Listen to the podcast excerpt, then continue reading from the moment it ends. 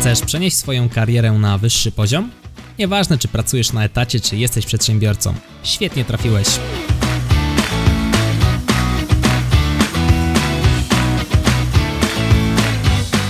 Nazywam się Michał Kowalczyk i witam Cię w Excellent Work Podcast. Cześć, hej, witam Cię w Excellent Work Podcast. Dzisiaj porozmawiamy sobie o sposobie na pokonywanie złożonych zadań. Przedstawię Ci narzędzie, które bardzo przypadło mi do gustu i bardzo przydaje mi się w tworzeniu i potem wykonywaniu moich projektów.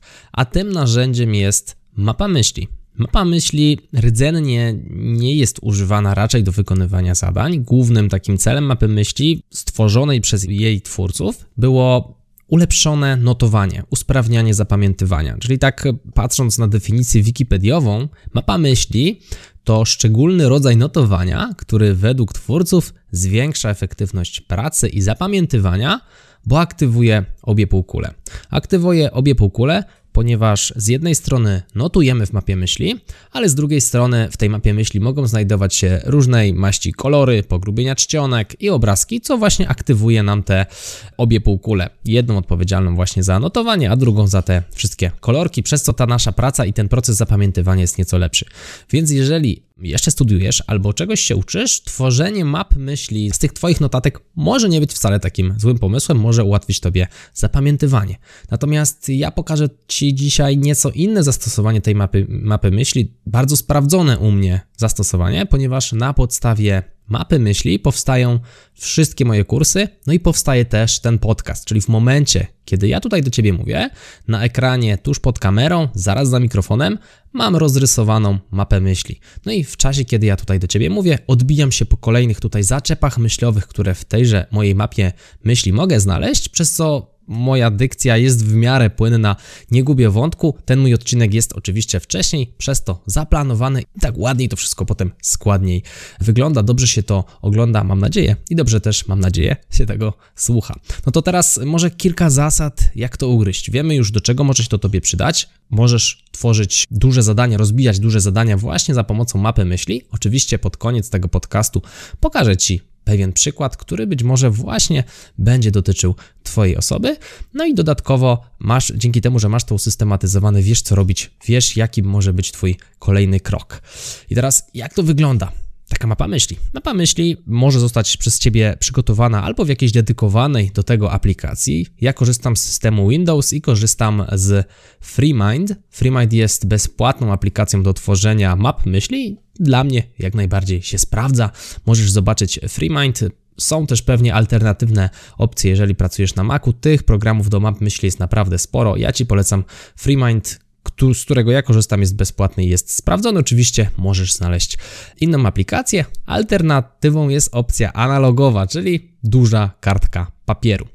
Ma to swoje minusy, ale o tym za moment. I teraz na samym środku tej kartki, czy na samym środku mapy myśli, jeżeli korzystasz z aplikacji, możesz wpisać, w zasadzie powinieneś wpisać słowo kluczowe, wokół którego będą się działy te nasze rzeczy, wokół której będziemy gromadzili te nasze myśli. I teraz w momencie, kiedy ja tutaj mówię do Ciebie, mam przed sobą mapę myśli, w której centrum jest słowo podcast. Dokładnie tak, w centrum mojej mapy myśli jest słowo podcast. Od tego centralnego słowa odchodzą kolejne gałęzie. I te gałęzie mogą reprezentować pewne grupy, pewne kategorie. Będzie to zależało od złożoności Twojej mapy myśli. U mnie to wygląda następująco. Po lewej stronie mojej mapy myśli mam cztery pytania. Do kogo mówię? Cechy wspólne tych osób. No to w zasadzie trzy pytania i jedno zdanie. Cechy wspólne tych osób, co chcą osiągnąć i problemy grupy docelowej, no, czyli w zasadzie dwa zdania i dwa pytania. Natomiast dzięki temu, że mam je tutaj po lewej stronie, mojego słowa kluczowego podcast, za każdym razem wiem, do kogo mówię. Czytam sobie te zdania i jest mi łatwiej po prostu kierować swój przekaz do osób, które są opisane właśnie tymi czterema sentencjami. Po prawej stronie natomiast mam kolejne odcinki. I dziś mamy odcinek 30, mam gałąź 30 dwukropek, sposób na pokonywanie złożonych zadań. No i obok tegoż punktu, obok tejże gałęzi, schodzą niżej. To samo możesz robić ty w swojej mapie myśli, czyli masz słowo centralne, potem masz grubsze podkategorie, a od tych grubszych podkategorii schodzisz niżej i znów możesz jeszcze bardziej gdzieś tam piętrzyć sobie te swoje mapy myśli. Będzie to oczywiście zależało od zadania czy projektu, który będziesz rozbijał. W moim przypadku jest to podcast, więc schodzę niżej, mam podcast, potem mam tytuł tego podcastu, a następnie kilka punktów, które są dla mnie punktami zaczepu. I teraz mogę Ci przeczytać, jak to wygląda u mnie w tym momencie. Patrzę na mapę myśli dla podcastu dla odcinka 30 i mam następujące cztery podgałęzie. Co to jest mapa myśli? Jak to wygląda? Jak to zrobić? I gdzie tego użyć? To są cztery podgałęzie, od których znowu odchodzą kolejne, mm, już takie ostateczne, praktycznie rzecz biorąc, zdania, jak na przykład ta definicja mapy myśli, którą Tobie czytałem. Ona znajduje się przy pierwszym rozgałęzieniu, czyli co to jest mapa myśli, następne odgałęzienie i tam była ta definicja. No i jak to wygląda, to jest rzecz, którą w tym momencie omawiamy i tam znajdują się cztery punkty. Na środku wpisujemy słowo kluczowe, na gałęziach tworzymy podgrupy, to jest to, co właśnie Ci wyjaśniam. Do podgrup możemy tworzyć kolejne podgrupy, to również w tym momencie Ci wyjaśniam. No i możemy dodawać emotikony lub kolory, o tym już Tobie wspomniałem i w ten oto sposób realizuję kolejne tematy, kolejne zdania i kolejne części wiedzy, które chcę Tobie przekazać za pomocą podcastu, właśnie korzystając z takiej mindmapy. Przez to układam swoje myśli, jest mi potem łatwiej te myśli wyrazić i ubrać w podcast.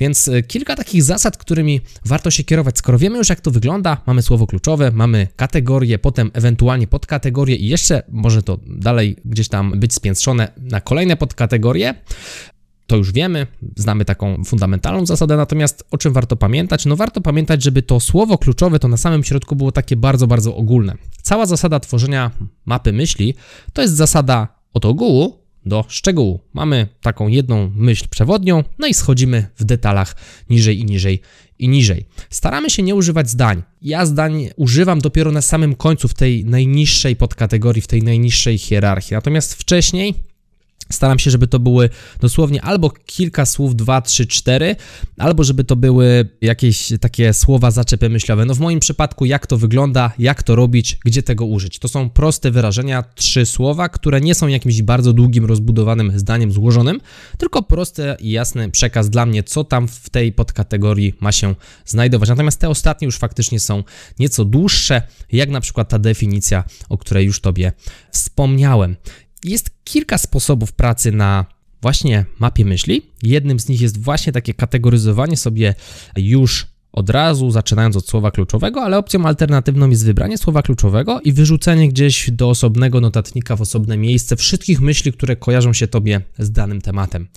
Potem starasz się przeczytać te myśli i zgrupować je, aby móc właśnie wytyczyć nazwy tych grup. Mając te nazwy grup, możesz na poszczególnych gałęziach odchodzących od tego słowa kluczowego, możesz dopasować te myśli, które gdzieś tam na samym początku sobie przylałeś. Więc to jest ta druga ścieżka korzystania z mindmapy, czyli albo budujesz ją już fundamentalnie od razu, to jest ta opcja, z której ja korzystam akurat przy generowaniu mapy myśli dla podcastu, albo opcja druga, wyrzucenie wszystkich myśli, które masz gdzieś na jakąś tablicę, może na kartkę, a może do innej aplikacji, no i spróbowanie, podjęcie próby mm, zgrupowania tych myśli i dopiero wtedy przelania ją już na finalną mindmapę. Z tej opcji korzystam korzystałem przy w ogóle zastanawianiu się nad na przykład y, nazwą tego podcastu.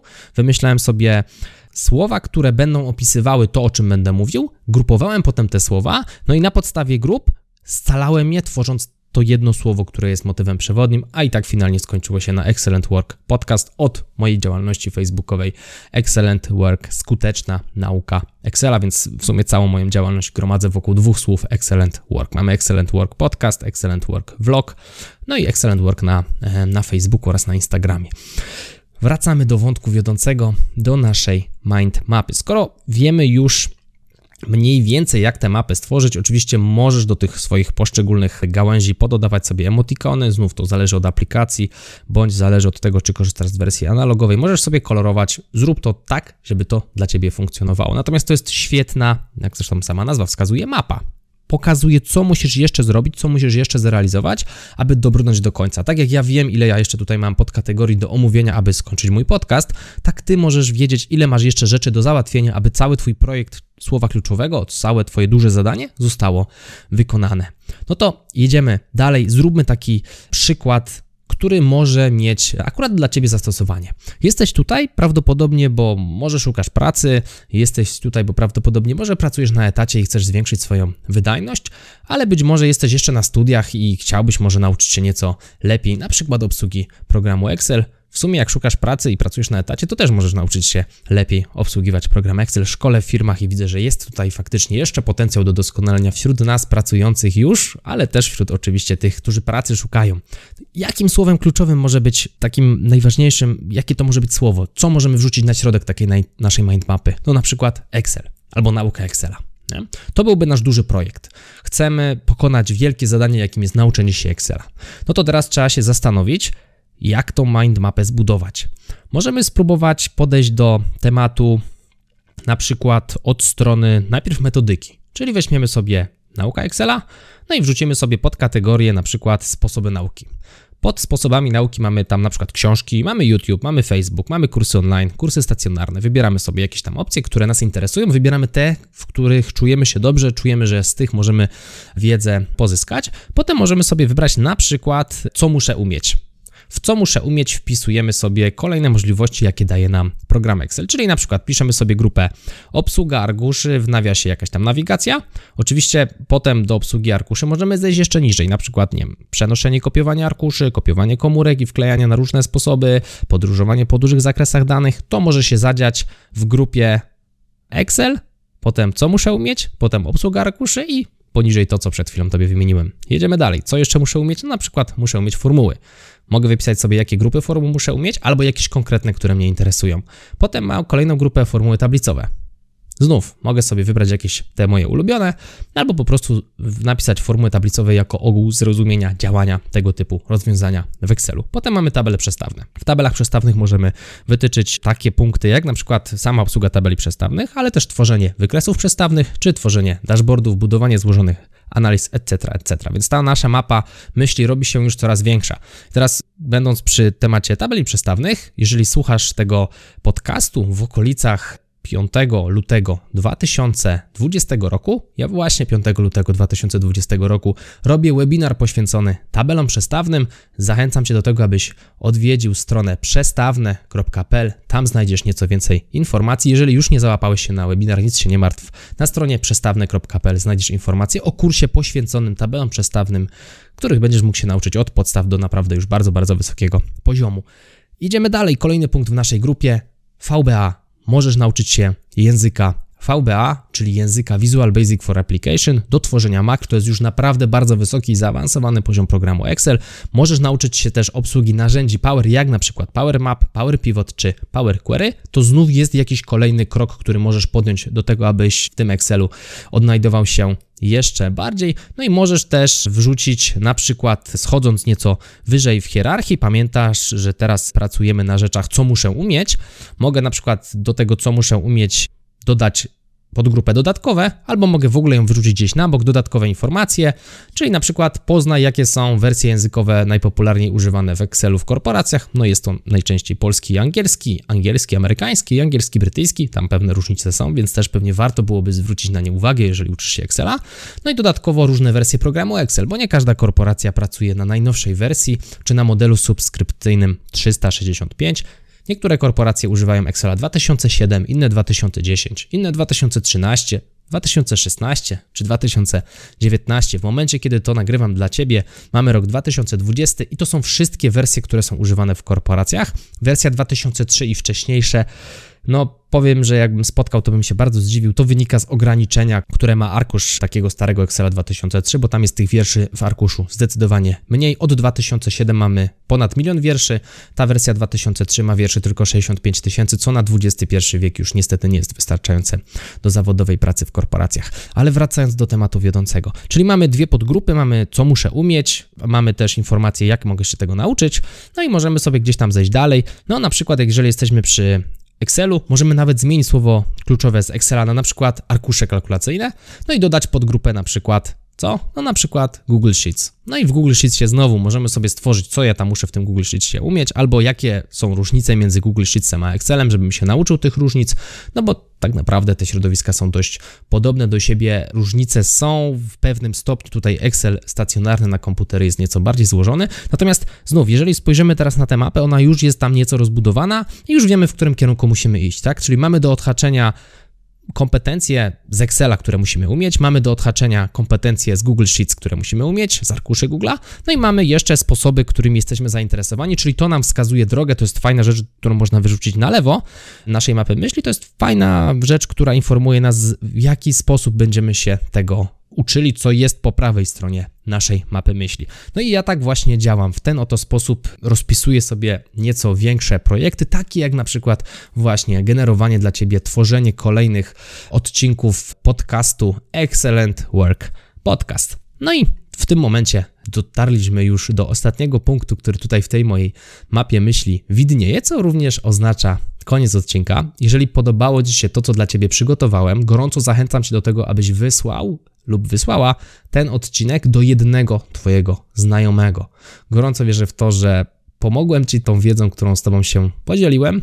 Mówił dla Ciebie Michał Kowalczyk, to był Excellent Work Podcast. No i do usłyszenia lub do zobaczenia, jeżeli oglądasz mnie na YouTube w kolejnym odcinku Excellent Work Podcast. Trzymaj się, hej!